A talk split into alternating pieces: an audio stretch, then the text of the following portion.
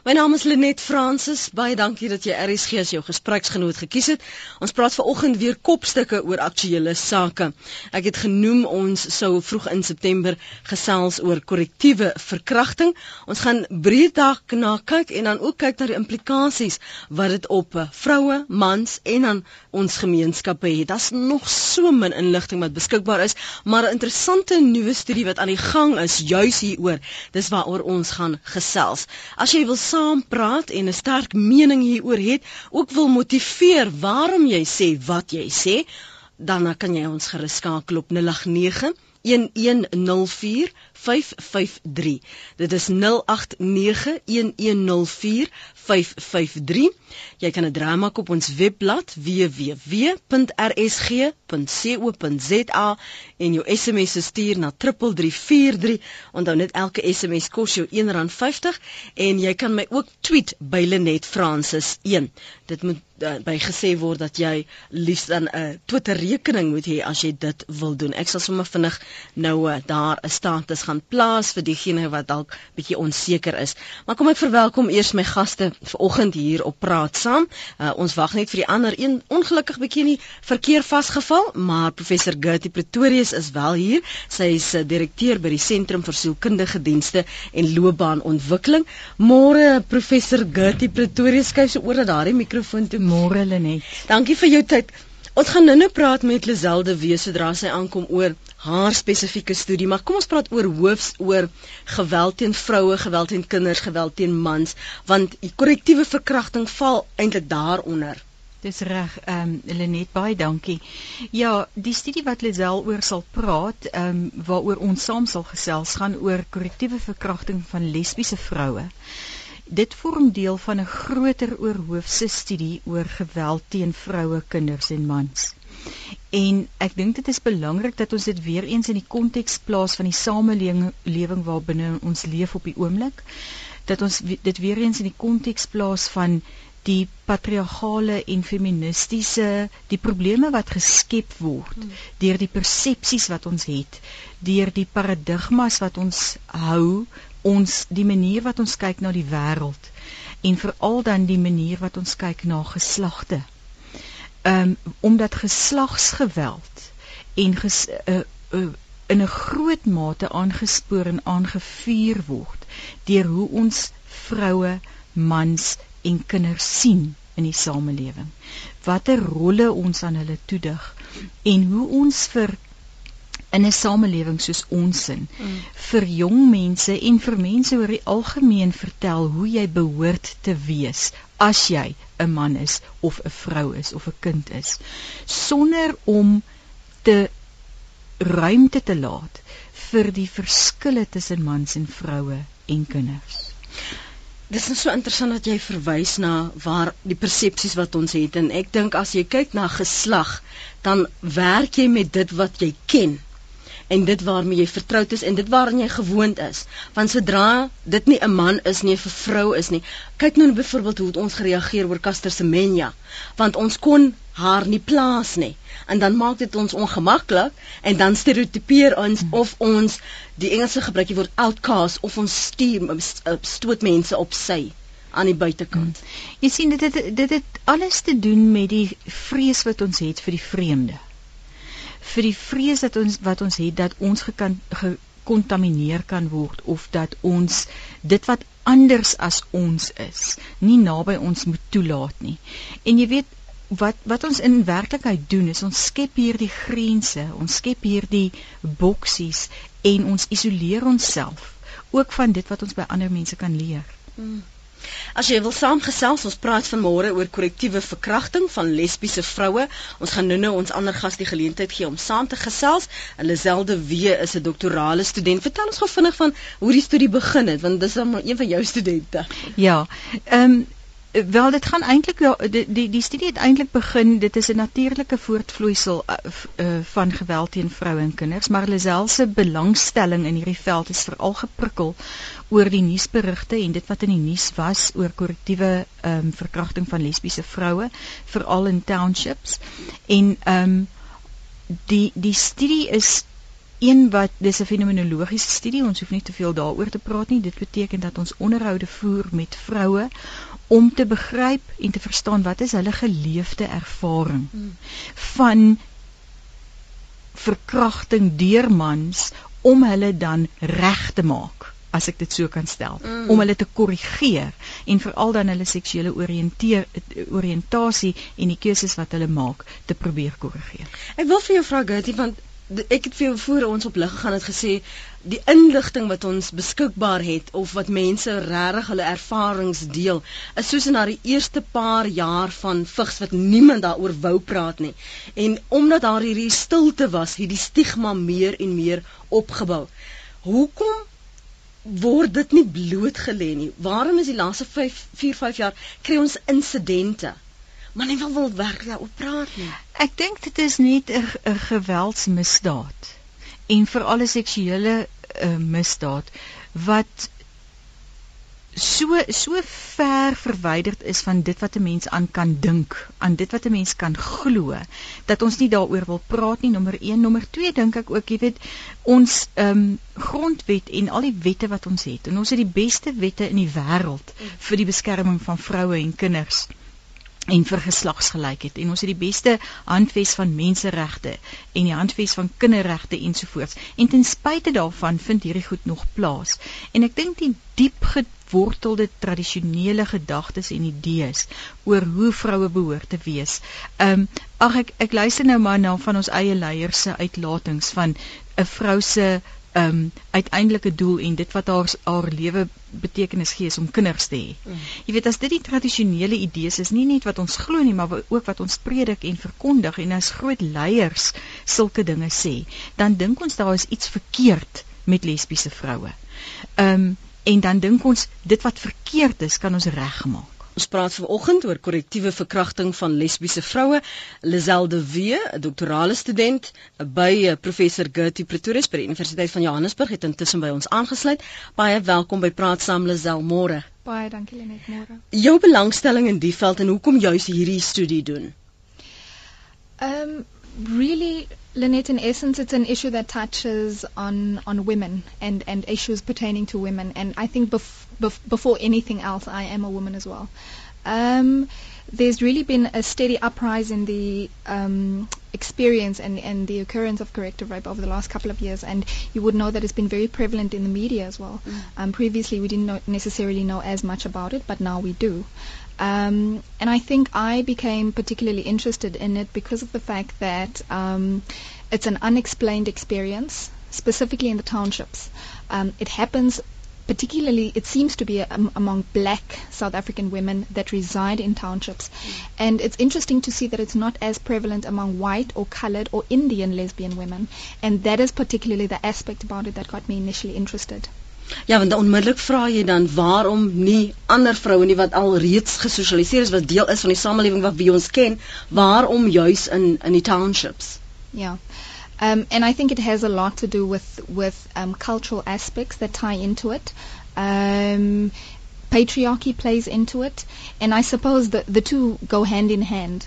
Um, many aspects also come into play, like heteronormativity. That is the whole idea that um, there's heterosexual privilege. So heterosexuality is the only type of sexuality that um, should be accepted. Um, and and is tolerated amongst people. And I think particularly in the, in the township setting, you have all those factors interacting. Mm. Remember, um, and they come to play particularly in those settings because you, you're sitting with a group of women that um, really pre- uh, reside under what we call triple stigma. Um, they are black, they are underprivileged socioeconomically, um, they are discriminated not just um, against on the basis of their, their, their gender but also of their sexual orientation. So all those factors really come into play and play out at once. Gertie, wil jy iets bysê want jy skud so jou kop? Mm. Nee, ek dink net Lisel sê dit baie mooi want uh, ek dink die triple stigma is belangrik mm. en dan ook dit wat ehm um, en Lisel kan miskien 'n bietjie meer daaroor praat, dit wat ons natuurlik haatmisdade noem. Ehm mm. um, wat wat spesifiek teen hierdie uh, uh, uh, dames gerig is en dan spesifiek die stigma wat aan hulle kleef, ehm um, wat die wat die samelewing aan hulle toedig.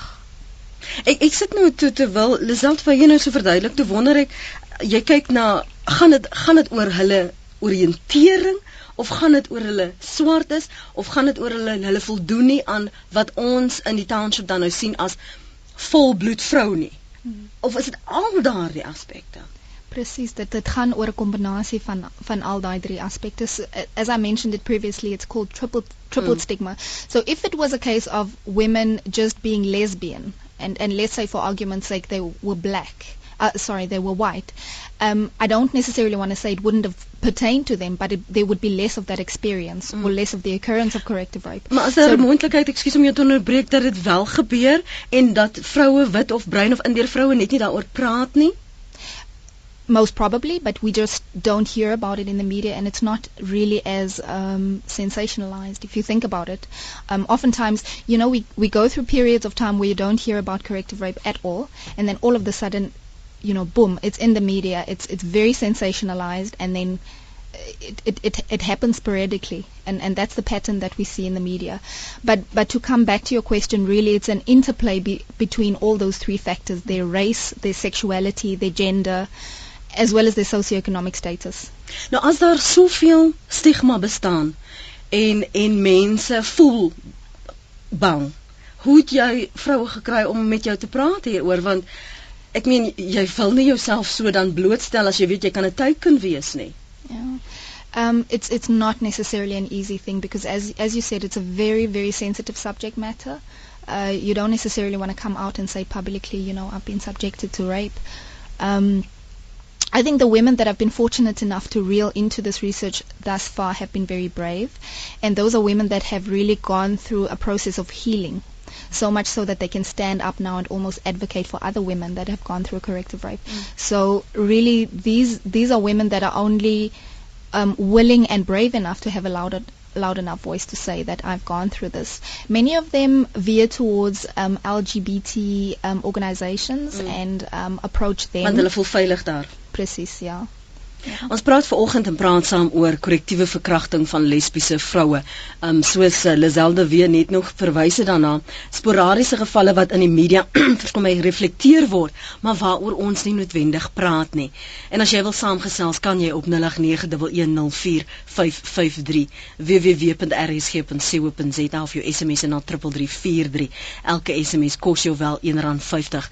Connie van Garoetsmond skryf hier: Wetgewing dring nie deur verstaan my tot die skuldiges nie. En dit gaan dalk dekades neem voordat hierdie houding gaan verander.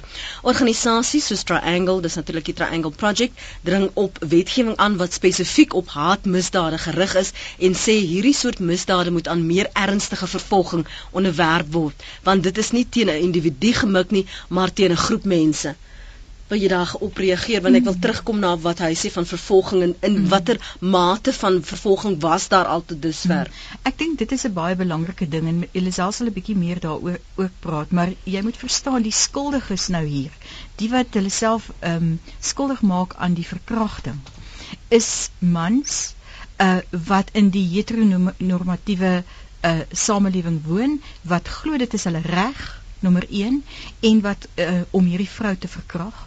Ehm um, dit vind soms uh, in bendes plaas.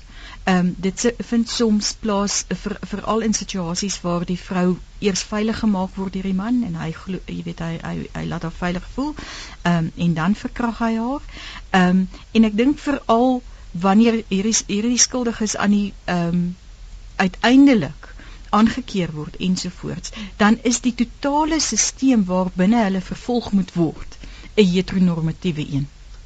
Met ander woorde, ons stelsel, ons regstelsels, ons korrektiewe stelsels is nog heteronormatief en dit dink ek speel 'n baie groot rol in ehm um, die feit dat hierdie mm, mense nie mm, regtig mm. tot boek gebring word nie. Mm.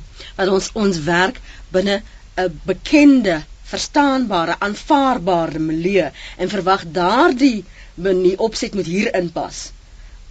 Round hole square peg scenario. Dis so ja.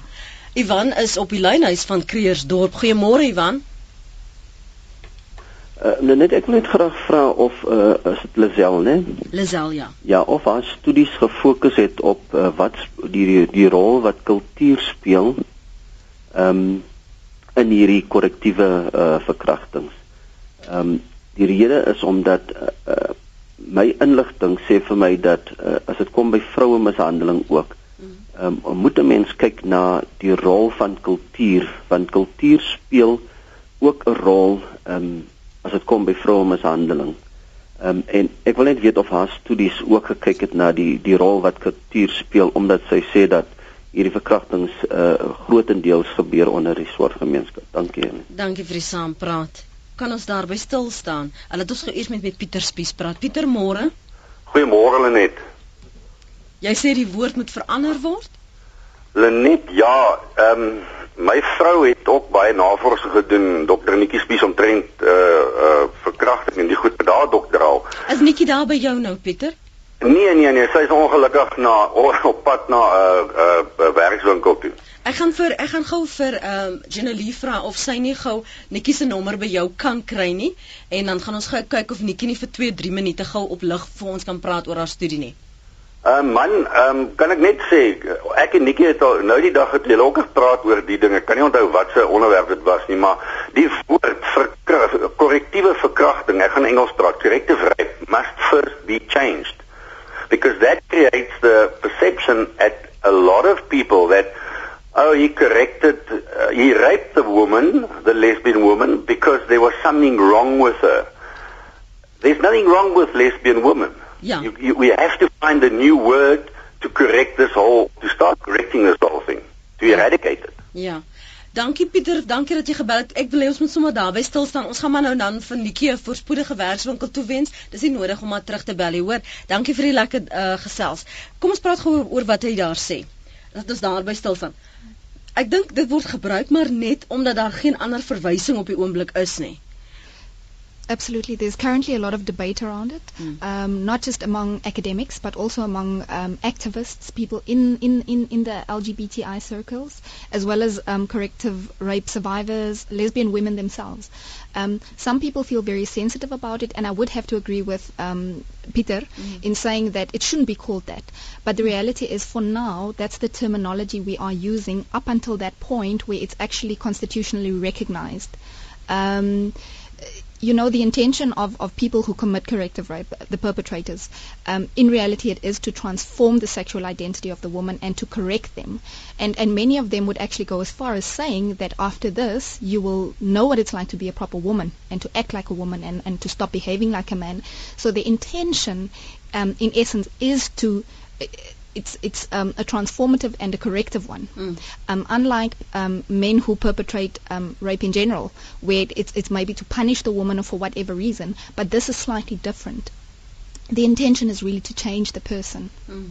So vir vir alle doeleindes omdat daar nog nie 'n nog 'n nuwe woord geskep is nie wat erken word in ons grondwet nie gaan ons vir die doeleindes van die gesprek uh, en die debatvoering praat oor uh, van van korrektiewe verkrachting die rol van kultuur Ek dink dit is eerstens Ivan het daaroor gepraat en hy het vir Lisel gevra oor of sy kultuur en haar studie ehm um, uh, as 'n verklaringsmodel gebruik. Eerstens dink ek ons moet sê die studie is nog nie vol, voltooi nie.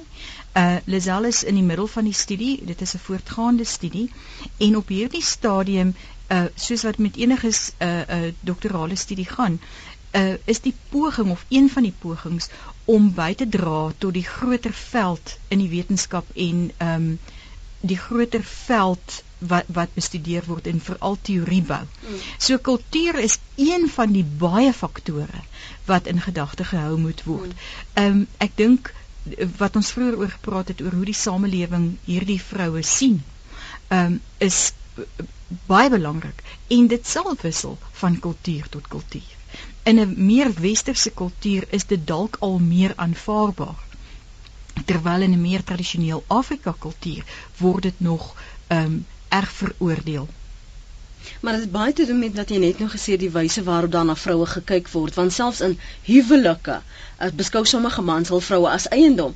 So jy is my vrou, jy moet vir my toegang gee tot jou liggaam. Jou liggaam is nie jou eie nie. En is deel van haar siege van eie, eiendom en en my wil op jou te kan afdwing. Hm, beslis so.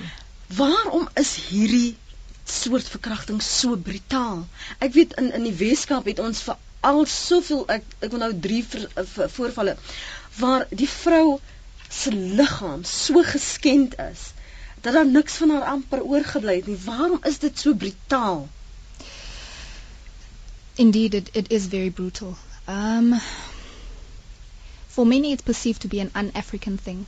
And I suppose for uh, because it's so prevalent amongst African um, people, one could say, it is it is the act of not just saying don't be a lesbian, but it's also to eradicate those women almost from the face of the earth. And and and so maybe you know the, the level of brutality is an indication of how much hate there is um, and how much intolerance there is um, and also like like Prof Gertie just mentioned that sense of ownership um, entitlement from men that I am entitled to do this, mm. um, and and and not just lack of understanding, but unwillingness to understand and to open up people's perceptions. So again, it's it's it's I, I think it's very deep he- seated hatred. Um, in actual fact, corrective rape the, at the end of the day is also classified as a hate crime. Mm. And so that's what it's it's it's about in essence. Mm, ek dink in so in sommige gevalle Lenet, ons moet dit ook in ag neem. Ons praat nou asof dit net mans is wat hierdie oortreding doen. In sommige gevalle word dit word hierdie korrektiewe verkrachting gereël. Ehm um, nie net deur mans nie, maar ook deur ander vroue wat hierdie sogenaamde afwykende vrou ehm um, 'n les wil leer. So dit is nie net mans wat hier aanskuldig is nie. Almal in die samelewing waar so iets toegelaat word en wat dit op enige manier verdra is deel van hierdie misdade. So die verdra is eintlik maar die verdra van die persoon se seksuele oriëntering en nou moet ons jou regmaak. Nee, ek praat van die verdra van van iets soos korrektiewe verkrachting. Ah. Dit is net op geen manier kondoneerbaar nie. Jy het net nou gesê daar is selfs familielede wat wat deel is van dit. Definitief as ek as ek nou terugdink there was a there was a particular case study um of of an actual case that was resolved now only during the course of of 2012 the first half of the year in Konyana I can't remember what the first name of the victim was. Um but she was raped in the Western Cape in the in the township of of um Khayelitsha. Khayelitsha. That's the case I was talking about. Precisely. And in that particular case the main instigator was a woman from her same from her actual neighborhood. And as Prof. Goethe also mentioned, in some instances, it's actually the family members that are unwilling to accept the person's uh, sexual orientation that would actually go as far as enforcing um, their disapproval of that. So they they would actually instigate this and say that we you know we, we don't approve of this, we're not going to tolerate it, and enable this um, abuse of the person. Um, of course, there's different de- uh, degrees of the abuse, with the worst case being that the person results in, in um, being correctively re- relaped um, or even murdered as a result of this. Kom ons hoor wat sê Ben in op Mosselbaai. Ben, welkom by Praat Saam. Baie dankie. Ek is uh vreeslik jammer om om eintlik uh julle te pla, maar want ek wil 'n dom vraag vra. Die dom vraag is Reg in die begin van die program het een van jou gaste gesê I am a woman. Nou ek weet nie so mooi as ek nou na al hierdie goeie luister wat die persoon daarby bedoel het nie. En as dit uh miskien in 'n leuke taal kan uitgespel word, waarom sy haarself geïdentifiseer het as I am a woman. Is dit anatomies, fisiologies, sielkundig of is dit nou al drie saam? Want dit lyk vir my dat die siege, die sielkunde, uh die hoofrol hier speel met die seksuele oriëntasie. Kultuur is genoem en bespreek korrektiewe verkrachting. Hoekom wil ander mense wat ook die eienskappe het van die persoon, daardie persoon in aanhalingstekens reg kry? Ek luister by die radio. Dankie Ben. Ek weet nie het jy dit al gesê Gertie? Nee, ehm um, Liselle het dit gesê oh, en, en ek weet nie of sy daaroor uh, uh, wil praat nie. Ek wil ook net sê onthou Liselle het, het haarself geposisioneer. Ja. Ehm um, en dit is baie belangrik om te verstaan dat 'n navorsing 'n mens jouself wel posisioneer veral in kwalitatiewe navorsing waar jy gaan onderhoude voer met ander en sy het haarself so geposisioneer omdat jy vir haar gevra het hoekom hierdie studie. Mm. En miskien wil sy verder daarbey uh, uh, aansluit. Ek dink Ben se vraag is baie beduidend want dit spreek veral oor die verwarring wat by ons bestaan en dit spreek veral oor hoe ons geslagte sien. Want ek is nie net of hy is nie net 'n man omdat hy fisiologiese man is en testosteroon het en 'n XY kromosoom het ehm um, nee hy is ook 'n man omdat hy in 'n sekere kultuur as 'n man grootgemaak word was en waarskynlik sy kinders weer so groot maak. Hy is ook 'n man omdat hy in 'n sekere tradisionele rol homself identifiseer. So uh, die vraag is wat is 'n man? Wil dit net nou so 'n uh, vrou of wat is 'n vrou? Is die antwoord is 'n multifasette een.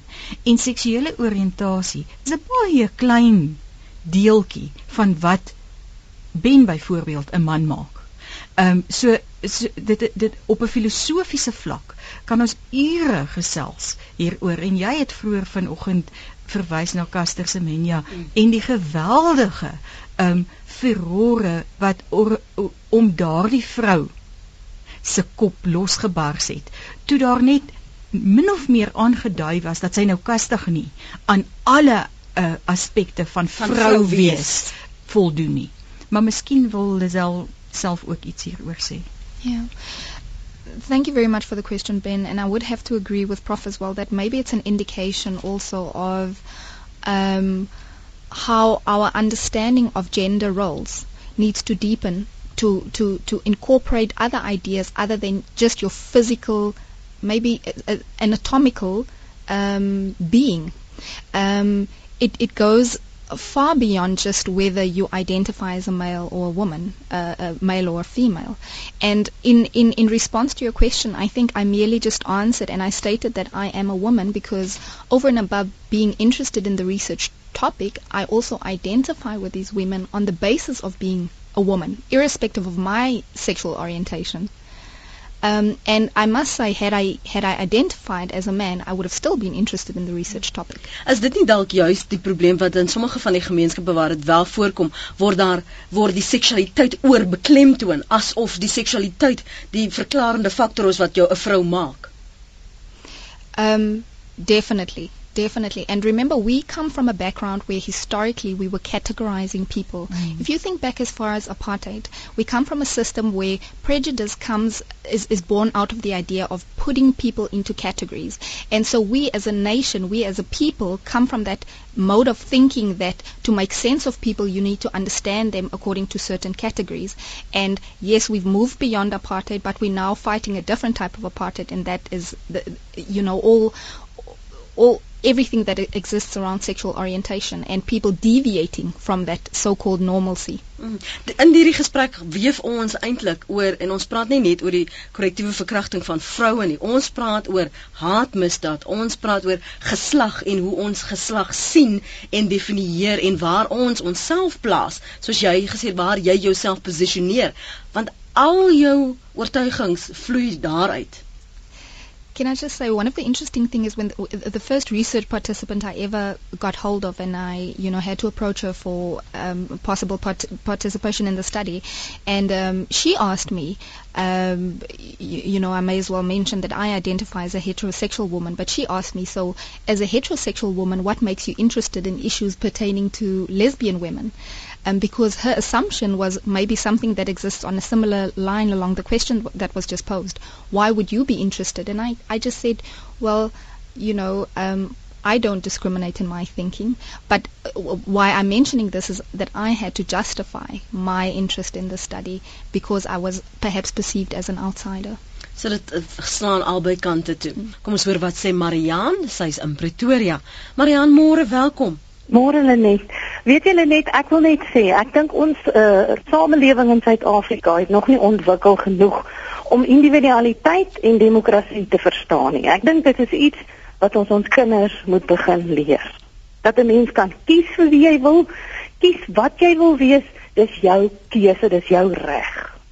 Ons het net voor ons nou jou oproep ontvang het, het ons nou gesels in die breek Mariaan oor hoe waarom tot dusver al die oproepe wat ons kry en baie ook van die terugvoer dat dit mans is. O ja, ja. maar ek dink ons vrouens moet baie meer praat. Ons moet baie meer opstaan vir die vroue in ons land. Ons moet baie meer belê in in kinders en veral ons meisiekinders en vir hulle vertel hulle het die reg om te weet wat hulle is en hulle baie sterker individue te maak. Dankie vir die saamgesels Marian. Daar sy, mooi bly. Lekker dag vir julle.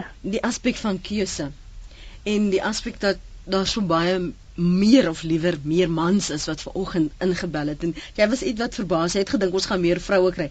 My teorie is dat vroue en sommige vroue voel ek kan nie so maklik oor my seksualiteit praat nie, in beslis nie op 'n radio nie. Al het ek opinies of al gebeur dit ook met my, as ek jou baie punt waar ek dit kan deel nie. Waarom is dit vir mans soveel makliker om oor hierdie goed te praat? Dis baie interessant want jy sal onthou Lisel het verwys na die triple stigma wat ehm um, en die en die triple ehm um, diskriminasie teen hierdie vroue. Ehm um, dis baie makliker as jy nie self vir 'n uh, eh, uh, eh, gediskrimineer word teen ehm um, in hierdie drie situasies nie. Jy moet nou verstaan as ons vra een van hierdie dames moet inskakel wat dalk self korrektief verkrag is en deur hierdie geweldige trauma gegaan het, dan moet sy al drie hierdie stigmas oorkom en sy moet die telefoon neem en sy moet vir jou bel en met ons praat vanoggend. So miskien is dit deel daarvan. Miskien is dit makliker om as 'n Liselse woord 'n outsider of 'n buitestander hieroor te praat. Um as om te sê maar weet jy my dogter is lesbies en my dogter het spesifiek is is deur hierdie trauma. Kom ons gesels met Esther. Môre Esther. Môre Lenet. Ons luister. Ehm um, Lenet wat vir my baie interessant is van jou onderwerp vanoggend is ek is self in 'n verhouding, in 'n gay verhouding en ek is wit.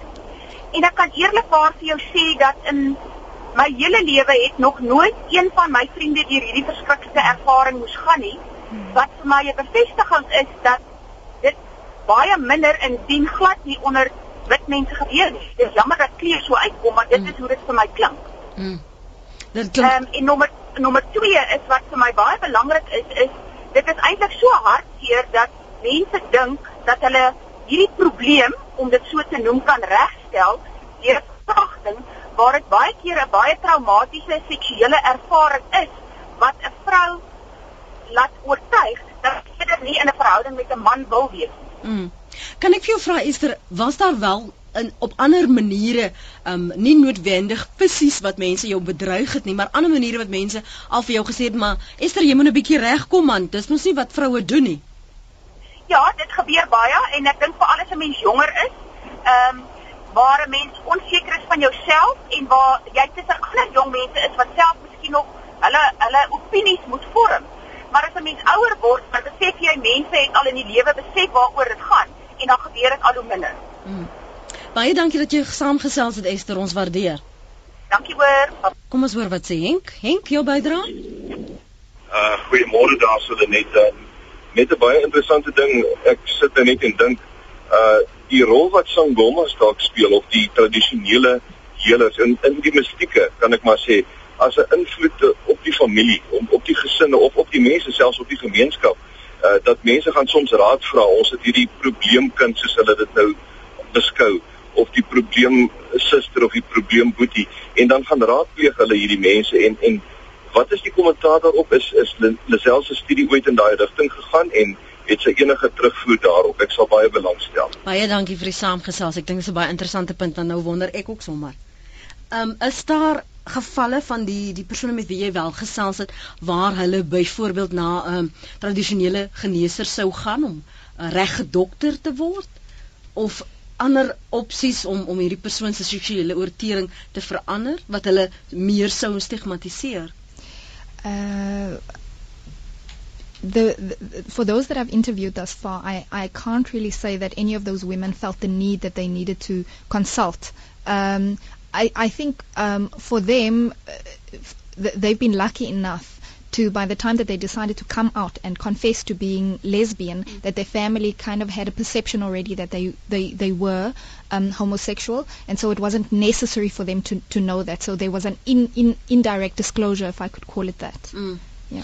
Daar was 'n ander punt wat uh, wat wat uh, hy gemaak het, die die hele persepsie van waar die skeidslyne raak vir my soveel duideliker en is half asof 'n mens nie dan kan identifiseer nie want dit lyk asof dit so ver verwyder van ons gebeur maar Esther sê sy het nou net self ervaar op daai vlak nie maar die persepsies bestaan nog en dit beteken nie dit kan nie gebeur nie maar die voorvalle het nie nog dis vir nie gewys dat dit gebeur in wit of bruin of Asiëse of uh, Indiër gemeenskappe nie wat jy net nou uitgewys het. Yeah. It's not to say that that white women or Caucasian women are not discriminated against. We must understand that um, corrective rape is just one of many aspects as far as hate crime goes. Mm. People can be verbally abused, um, they can be physically abused, they can be discriminated against in the work environment.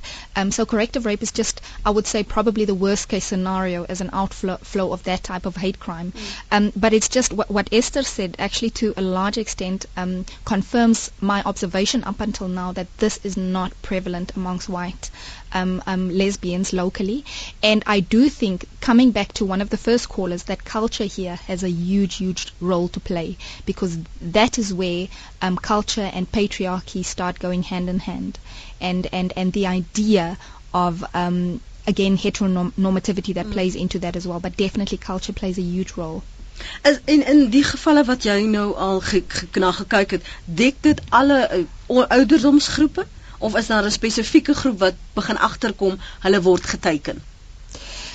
Um, if I think of the most recent person that I interviewed, this was someone that was um, raped at the tender age of 16. Um, and 12 years later is still sitting with uh, certain psychological condi- well conditions, I could say, as an aftermath of, of, of that traumatic experience. So um, it, it's a little bit difficult to say whether certain age groups are targeted, but what I can confirm, you know, we've just ca- come back from an international conference in psychology, um, and um, there was an, a very important stream that was well attended, the gender stream, where one particular study was also shown um, where, that that demonstrated that there seems to be an upsurge of corrective rape experiences among high school children. So it's happening. I think it's a study from the CSIR um, mm. also. But it's it's definitely happening. It's starting to occur amongst younger groups of people teenagers. Wat my weer eens terugbring na wat ons net oor gepraat het oor die wyse waarop daar na vroue gesien word gekyk word. As jy ook dink byvoorbeeld tydens oorloë um daarvoor byvoorbeeld wat ek onmiddellik aan dink is die die hortes vroue wat verkrag is as deel van aanvaarbare oorlogvoering is net collateral damage. mm uh, waarna daar verwys word. Hoe gaan ons ooit hierdie persepsies verander? Want as ons nie onsself gaan konfronteer nie, gaan ons die teelaarde skep vir meer voorvalle. Ek wil op twee goed reageer. Ek dink die eerste is as ons kyk na hoërskoolkinders. Ehm um, en en die toename van korrektiewe verkrachtings in daardie uh, kontekste. Dit is die tyd wanneer jong mense en mense hulle self ehm um, uh, identifiseer met 'n spesifieke geslag en wanneer seksuele oriëntasie uh, na die voorgrond begin tree. So 'n mens sou dit in die konteks van die ontwikkelingssielkunde en veral die ontwikkelingsfases kon sien. Maar jy het nou verwys na na aanvaarbare oorlogvoering en na die hoeveelhede dit is so oud soos die mens homself dat wanneer die mag wat 'n nuwe land of 'n nuwe omgewing oorneem daardie omgewing oorneem dat die vroue in daai uh uh um die verloorder vroue as ek dit so mag stel verkrag kan word. Maar dit gaan veel verder.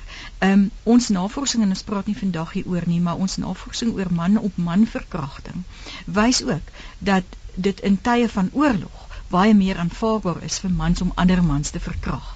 Um en in tye van van en, en self soms as 'n uh, uh, opleidings ehm um, situasie gebruik word om man sogenaamde goeie soldate te maak. Maar dit is 'n is heeltemal 'n ander studie.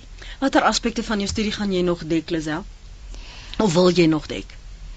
Um, well, for the purpose of this study, I'm really just would be grateful enough just to get participants. I think, um, but really, in essence, this is about understanding how they experience the actual act um, of corrective rape. I do think because of the sensitive nature of, of this study and because of the fact that it's such new research in the country, there's lots of scope for more research Mm. um, in, in, in this regard. But for now, it's, it's, it's almost like really just getting in there.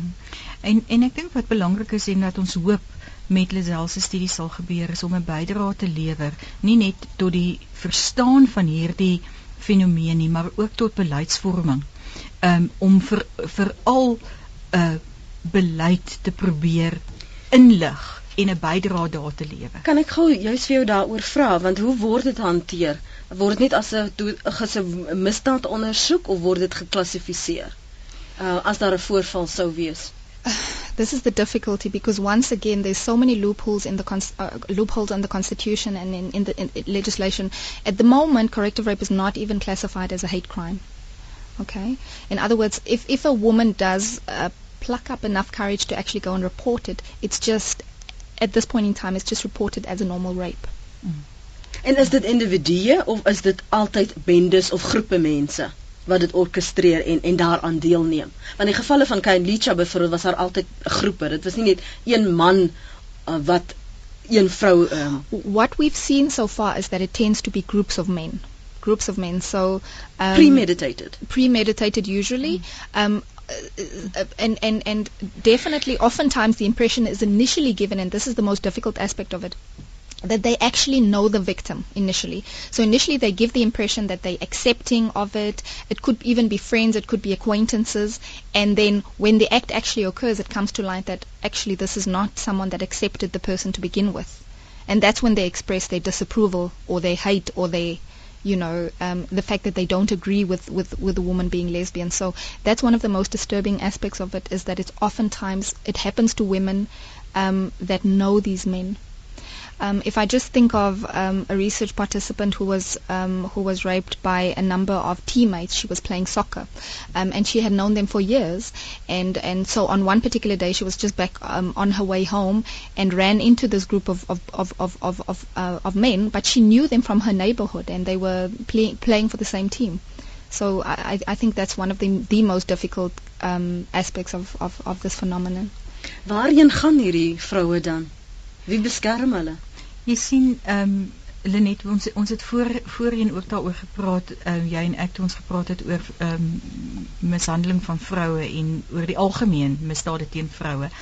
Uh die ons samelewing is nog nie gereed om spesifiek vir hierdie vroue iets te skep nie. daarmee sê ek nie daar's niks nie, daar is die organisasies wat Lazel na verwys het. Ehm um, dink ek waar hulle uh heen kan gaan. Maar oor die algemeen is die probleem dat dit word maar net gesien as nog 'n verkrachting. Dit word nie noodwendig gesien as 'n korrektiewe verkrachting nie. En hierdie triple stigma gaan voort in die verhoor en die manier waarop sy hanteer word ensovoorts. En totdat ons daardie wetgewing en die wyse waarna ons dan seker goed verwys, nie regstel nie, gaan dan nie werklik eer gedoen word aan wat verkeerd was en en die misdaad teen hierdie vroue nie. Want want wa, waar volgens gaan jy mense vervolg? Exactly. When it comes to the reporting of, of the actual act of rape, typically women would go to the police if they're ready, and once they do feel ready, um, it's like I said before, it's not it, the sexual orientation of the woman is not even considered. It's not a factor, and that is why it's considered as a normal rape. Wel dit is 'n gesprek wat waarskynlik nog in elk geval in hierdie land nog verder uh, gevoer moet word. Baie aspekte wat ons nog nie eens gepraat het en uitgeklaar het nie uh, binne ons wetgewing nie. So baie dankie vir diegene wat wel saam gesels het. As jy 'n draai wil maak op ons webblad, kan jy weer na die program luister. www.rsg.co.za As jy ook wil kontak uh, maak met uh, of Lisel de Wee of dan professor Gertie Pretorius, kan jy dit so doen. Het julle daar 'n algemene adres wat ons vir ons luisteraars kan gee? Ek dink ehm um, oh, ek gaan vir jou gee okay. Lisel se adres ehm um, wat primêr met die studie werk uh, en dan my adres as studieleier. Goed, ek sal dit op ons webblad plaas. As jy meer inligting verlang, kan jy daar gedraai gaan maak by vandag se datum en ons gaan die e-posadresse daar sit. Veral as jy dalk meer inligting wil hê van Lisel of jy wil wil deelneem. En vandag was nou een van daardie dae wat jy net nie die moed gehad het om in te bel en oor jou eie pyn en ervaring te praat nie. Baie dankie wel dat jy geluister het. Dankie Lisel, dankie Gertie vir julle tyd vanoggend hier op Raad saam. Môreoggend in die omgewing van 5 minute oor 8 gaan ons verder gesels hier op 100 tot 104 FM wêreldwyd by www.rsg.co.za. Van my Lenet Fransis hoop jy 'n mooi dag